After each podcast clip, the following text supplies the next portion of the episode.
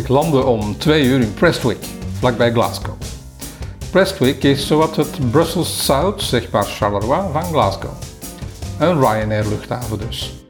Het was een vrijdag en het was de enige vlucht die die namiddag in Prestwick zou landen. De luchthaven is klein en er is geen autoverhuurbedrijf. Dus had ik een auto gehuurd bij een bedrijf dat zich op enkele kilometers van het vliegveld bevindt. Ze hadden een shuttlebus, had ik op een website gelezen, en ze zouden me komen oppikken.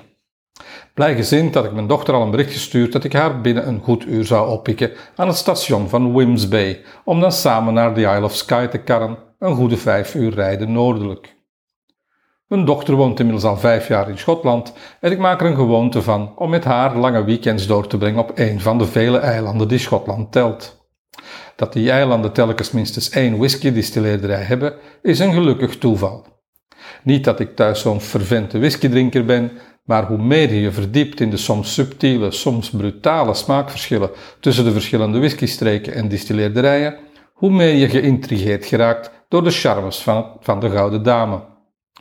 Op Sky zouden we een proeverijtje bij Talisker kunnen doen, na een flinke wandeling bedacht ik me.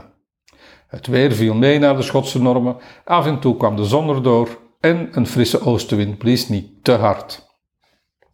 Toen na 25 minuten de shuttlebus van de verhuurmaatschappij nog niet was opgedaagd, belde ik het bedrijf op. Ik kreeg eerst een muziekje te horen en daarna een vrouwenstem die me verzekerde dat er elke 15 minuten een shuttlebus van het verhuurbedrijf aan de luchthaven halt houdt. Aan deze luchthaven? Prestwick? Ben je zeker? opperde ik. Hier landen nauwelijks vliegtuigen en ik sta hier al een half uur. Dan heeft de shuttlebus vertraging, verzekerde mevrouw me. Ik moest geduld hebben, want hij zou er vast zo aankomen. Een kwartier later belde ik de mevrouw opnieuw. Dat de shuttle er nog altijd niet was. Ze verbond me meteen door naar een andere mevrouw van de klantendienst. Die verzekerde me dat de shuttle er moest zijn. Als ik buiten ging staan, zou ik hem wel zien. Ik vertelde haar dat ik inmiddels al bijna een uur buiten stond en dat ik geen shuttlebus kon zien. Jawel, zei ze, het is een zwarte Mercedes Vito met ons logo op de zijkant. De mevrouw was er rotsvast van overtuigd dat ik niet goed bij mijn hoofd was of stekenblind. Ik verzekerde haar met de hand op het hart dat er echt geen shuttle stond. Oké, ze ging het probleem oplossen, zei ze, want ze zat zelf in Londen en ging contact opnemen met het kantoor in Glasgow. Toen haakte ze in. Vijf minuten later belde iemand van het kantoor in Glasgow me op. De vrouw sprak een beetje raar, ik vermoedde dat ze al een wee dram of the Golden Lady achter de kiezen had. Of meerdere.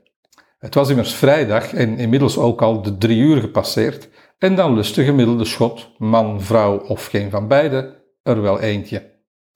De shuttle komt er zo aan, verzekerde ze me. Er was een foutje gebeurd in het computersysteem. Voor ze inhaakte leek het alsof ze het uitproestte, maar dat kan ook alleen maar mijn verbeelding zijn geweest natuurlijk. En de shuttle, hij kwam maar niet. Nu ben ik een geduldig man, maar daar zijn uiteraard grenzen aan. En dus belde ik opnieuw.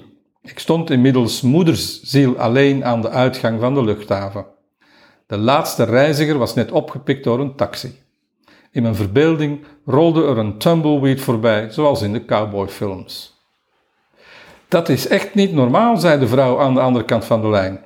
Het was weer een andere dame. Ik veronderstelde dat haar collega, de dronken Lor, nu hikkend van het lachen onder het bureau lag.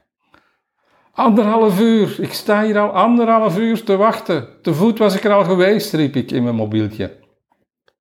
Oei, sorry meneer, dat moet een foutje zijn. De shuttle komt er zo aan. Een zwarte Mercedes Vito.